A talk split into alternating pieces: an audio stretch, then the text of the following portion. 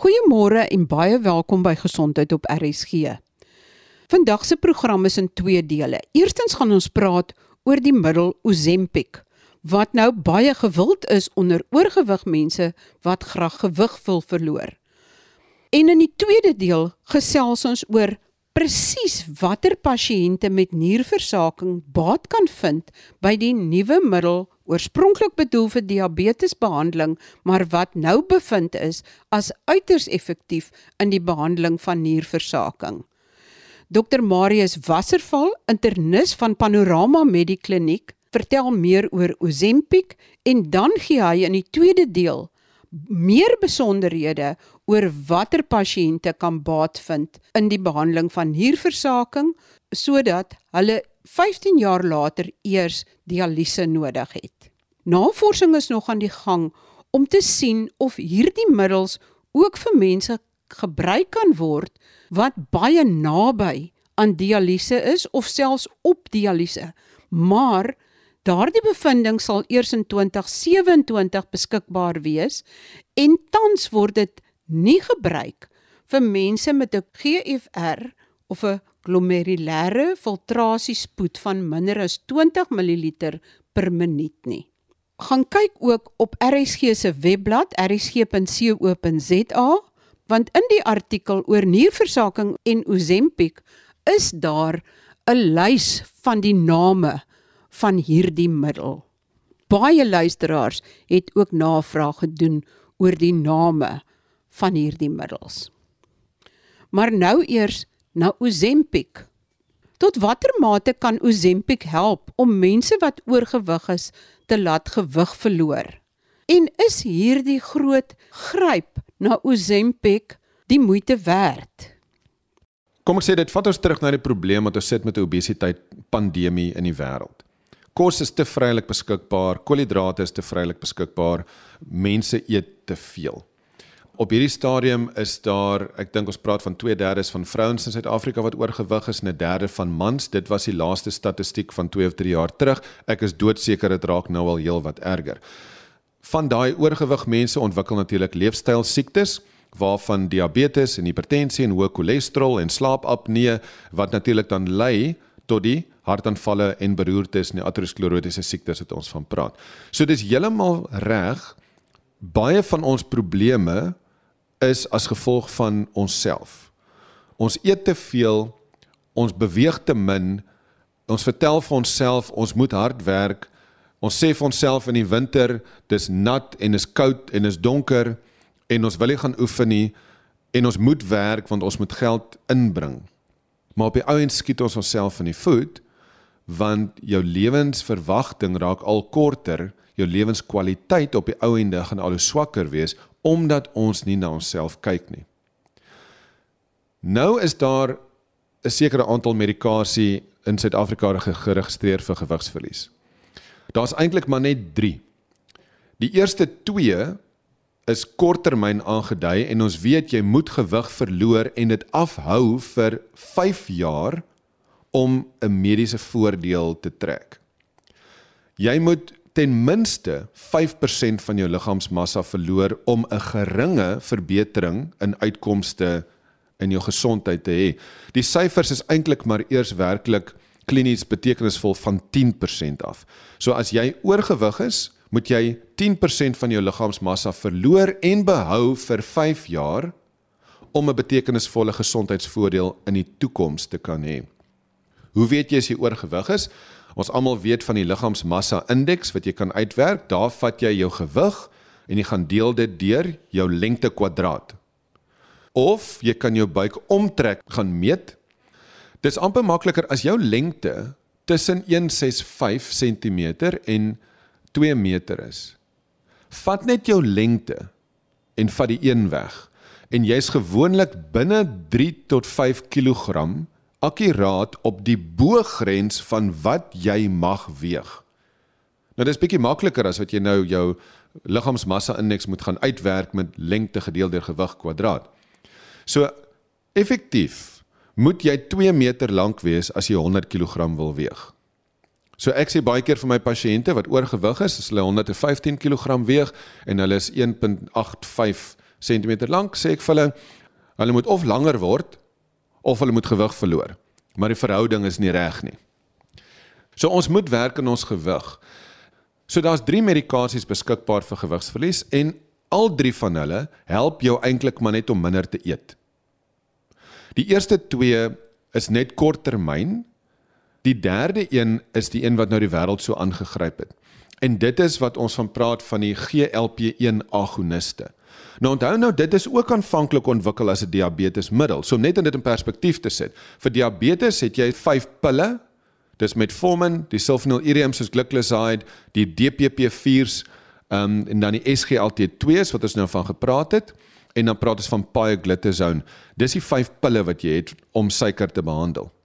Dan het jy twee tipe inspuitings. Die een is die GLP-1s Jy kry daaglikse GLP-1s soos Victoza, uh, dis liraglutide en dan kry jy weeklikse GLP-1s en dis nou waaroor mense so baie praat. Ozempic het indrukwekkende data oor die wêreld. Sy naam is semaglutide, maar jy het ook dulaglutide, sy naam is Trulicity en dan het jy nou 'n nuwe middel wat 'n kombinasie is van 'n GLP-1 en 'n GIP. Ehm um, sy naam is Tirzepatide en dit gaan bekend staan as Mounjaro. Nou die groot storie oor die GLP-1s is dat die studies het gewys dat teen gewigsverlies doserings, ek sal nou uitbrei daaroor, kan die weeklikse GLP-1s vir jou 10 tot 15% van liggaamsmassa verlies gee of jy diabetes is of nie. Die wêreld is super opgewonde oor Tirzepatide wat kom want Tirzepatide se studies het gewys dat jy tot 22% van liggaamsmassa verlies kan kry oor 72 maande of jy diabetes is of nie. Inteendeel, die 22% was juis in mense wat nie diabetes was nie. Nou, almal van ons wat oorgewig is, is natuurlik nou vreeslik opgewonde, want nou het ons 'n kort pad. Nou kan ons sê, kom ons gaan koop net hierdie medikasie. Ek spuit myself een keer 'n week in. Dit werk deur jou eetlus te onderdruk, die um, maaglediging bietjie te onderdruk. So jy kan nie so baie eet nie. Dit beskerm jou hart. Dit het hierdie wonderlike effekte. Maar wat niemand sê nie, is dat jy nooit hierdie medikasie kan stop nie, want die studies het deur die bank gewys, die oomblik wat jy dit stop, tel jy al daai gewig weer op. Nou moet jy dit gaan opweeg teen die koste van die medikasie wat tipies enigiets tussen 1.5 en 6000 rand 'n maand is. Die 1.500 rand is vir diabetiese doserings. Dis dit gee vir jou net omtrent 3 of 4, miskien 5 kg gewigsverlies. Terwyl die 3.5 tot 6000 rand is waar die gewigsverlies studies ingekom het. Nou praat jy van 'n weeklikse dosering van semaglutide wat nie Ozempic is nie, maar dis eintlik die 2.4 mg dosering. Sy naam is Vigovi, dis nog in Suid-Afrika beskikbaar nie. So baie mense gaan koop nou Ozempic in die hoop dat hulle gewig verloor teen 'n laer dosering en dit mag so wees. Party mense verloor gewig en party mense verloor goed gewig, maar die oomblik wat hulle dit stop, as hulle nie hulle leefstyl verander het van eet minder en beweeg meer nie, dan tel hulle al daai gewig weer op. Gewoonlik tel jy alles in vet op, want onthou die gewigsverlies wat jy kry is 3 kwart vet, maar dan is daar tussen 'n kwart en 'n derde is spiermassa. Spiermassa beheer metabolisme. So jy verloor 'n bietjie daarvan met hierdie kort paaie wat jy vat. Maar as jy die gewig weer optel as jy die middel stop, tel jy feitelik 100% vet op. So jy sit in 'n situasie wat jy nog 'n laer metabolisme het wat jy nog meer gaan sukkel om jou gewig te verloor. So die konsep van die nuwer medikasies is fantasties. Ja, met Tirzepatide begin ons grens aan die gewigsverlies wat bariatriese chirurgie kan gee. Maar mense moet onthou, dis lewenslange terapie. So die obesiteitswêreld is besig om weg te beweeg van eet minder en beweeg meer en gebruik jou energie. Nie omdat dit nie werk nie, dit werk. Maar ons kry dit nie reg nie. Statisties kry mense dit nie reg om dieselfdissipline langtermyn te hê. Onthou, jou voordeel kom op 'n 5 tot 10% van liggaamsmassa verlies wat jy moet hou vir 5 jaar.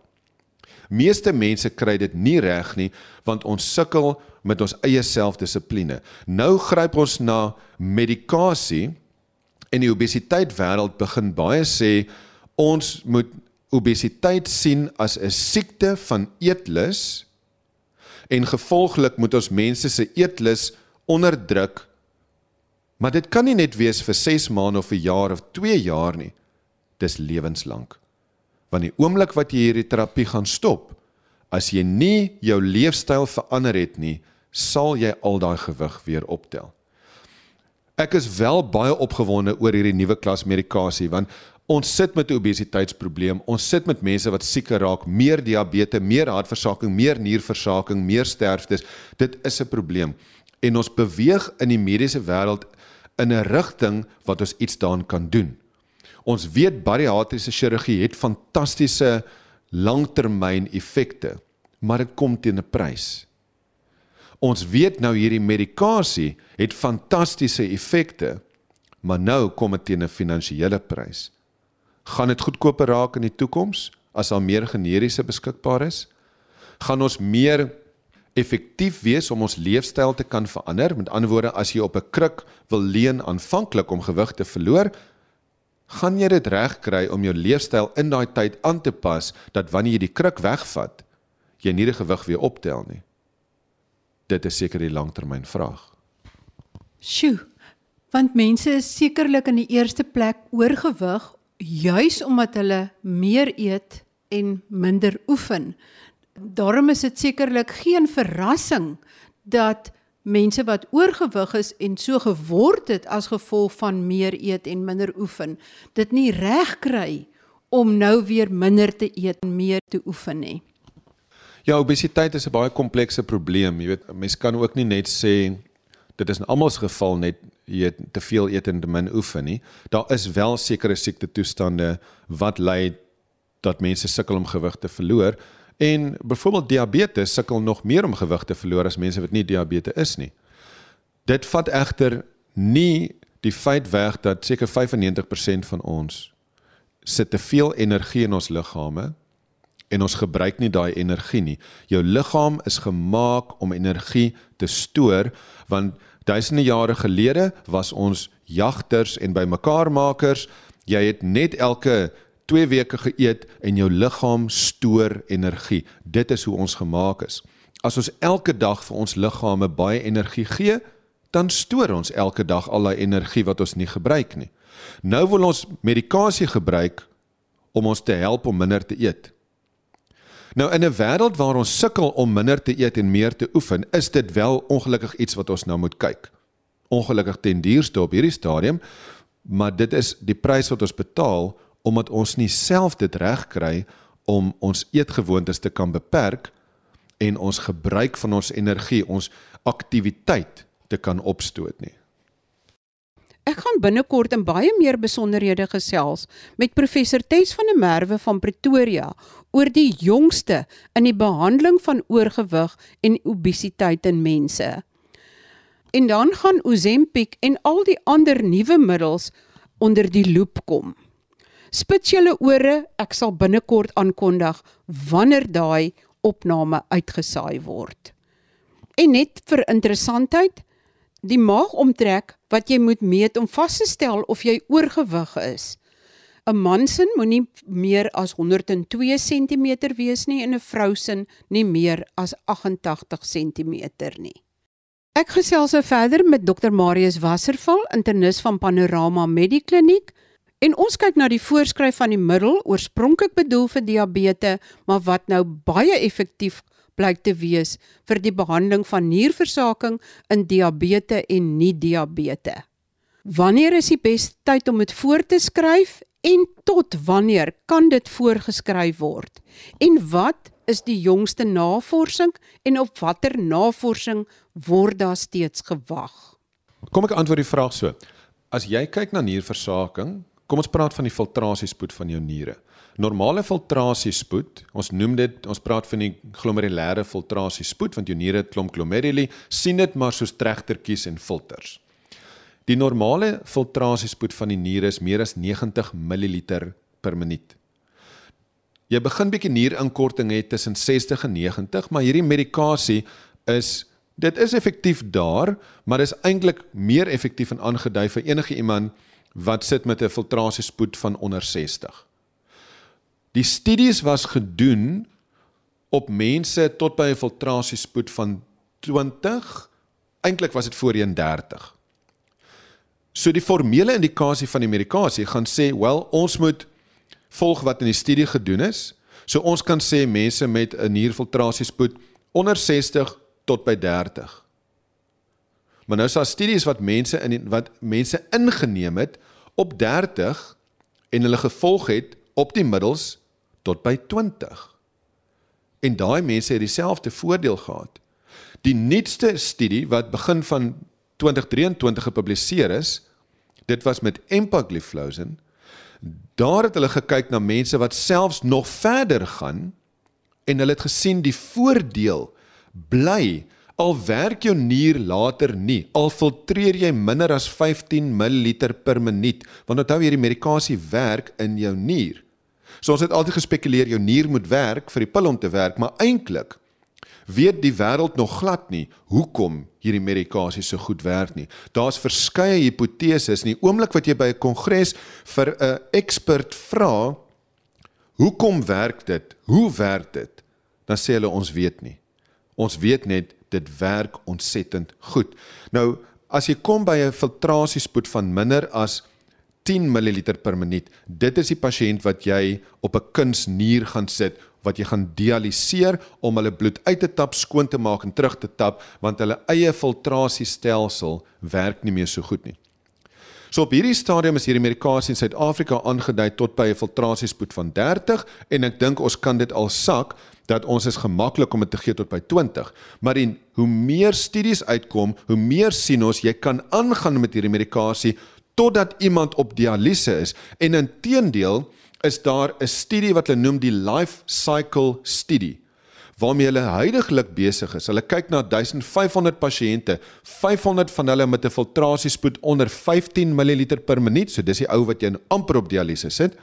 500 wat reeds op hemodialyse is en 500 wat nieroorplantings gehad het. En daai studie gaan oor 3-4 jaar beskikbaar wees om vir ons te sê of hierdie middel dieselfde hart voordele het en niervoordele het vir iemand wat so ver gevorder het in niersiekte. Natuurlik as jy op dialyse is, is die niervoordeel van die pil nie meer vir jou so belangrik nie want jy het reeds jou nierfunksie verloor. Maar as jy steeds so verlaging het in hartversaking, hartversaking toelatings, kardiovaskulêre sterftes, onthou pasiënte wat op dialyse is, gaan dood van hulle harte meeste van die tyd. So as jy die harteffekte steeds kan verlaag, dan kan jy spekuleer hierdie middel gaan ook effektief wees vir pasiënte met oorgeplante niere en pasiënte op dialyse, maar ons het nog nie daardie inligting beskikbaar nie. So op hierdie stadium is die formele indikasie vir hierdie medikasie tot by 'n nierfiltrasiespoed van 20. Ons sal die vraag kan beantwoord wat ons doen vir daardie mense op dialyse wanneer hierdie studie beskikbaar is. Dokter Wasserval, kan jy so 'n paar name noem van hierdie middels? Daar is 4 van die SGLT2 inhibitore in die wêreld beskikbaar. In Suid-Afrika het ons 2 beskikbaar. Die een is dapagliflozin, die ander een is empagliflozin. Dapagliflozin staan bekend as Forxiga. Dit was die heel eerste oorspronklike middel. En dan het ons al 'n paar goedkoper weergawe. Die een is Duforsic Die ander is Daglif en onlangs het ons Sagalatin beskikbaar gekry van Cipla. Daar's ook kombinasies tussen metformin en dapagliflozin beskikbaar. Die een se naam is Zigdio en die ander een se naam is Singlutra. Empagliflozin se oorspronklike middel is Jardiance Jardiance is ook al beskikbaar in 'n kombinasie saam met metformin. Sy naam is Synjardy. Maar empagliflozin het nog nie goedkoper opsies in Suid-Afrika beskikbaar nie. Baie dankie vir my gas vandag, Dr Marius Wasserval, internis van Panorama Medikliniek. Kyk gerus op rsg.co.za vir die lys van name in die artikel oor nierversaking en Ozempic. Ek wil dan net 'n klein bietjie inligting deel oor Clenbuterol, die middel wat Elton Jantjies, die voormalige Springbok losskakel, gepootjie het. Clenbuterol is 'n langwerkende beta-2 stimulant. En dit is lank gelede gebruik in die behandeling van asma sodat mense met asma makliker asem kan haal. Maar dit word al lankal nie meer vir asma behandeling gebruik nie. Inteendeel, dit is lank reeds bekend dat clenbuterol gereeld deur atlete of sportmense wat hulle prestasie wil verbeter, gebruik word. En dan word dit gereeld saam met testosteroonverhogende middels gebruik om prestasie te verbeter. Volgende week gesels ek weer oor blaaslek want ek het baie baie navrae hieroor gekry. 'n Ander program wat in beplanning is, is oor demensie, alle vorms van demensie en wat in die brein gebeur en dit sal in September in Alzheimer maand geskied. Maar ons sal ook gesels oor vaskulêre demensie en die ander vorms van demensie buiten Alzheimer. Nog 'n program in die beplanning is oor sarkoom en oor die uitwerking hiervan op die jong mense siege.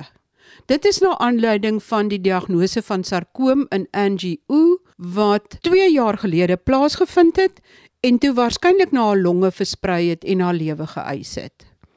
'n 18-jarige leerling van Grey College, hy het vir die eerste span aanvangskolwer gespeel, Armand Fourie, het onlangs sy eie lewe geneem nadat hy vroeër ook met sarkoom gediagnoseer is. Dis sal ek kyk nie net na die kankersoort sarkoom wat dikwels in jong mense gediagnoseer word nie, maar ook na die effek van 'n kankerdiagnose in jong mense wat reeds verstaan wat 'n kankerdiagnose beteken. Tot volgende week dan wanneer ons weer gesondheidsake gesels. Baie groete van my, Marie Hudson.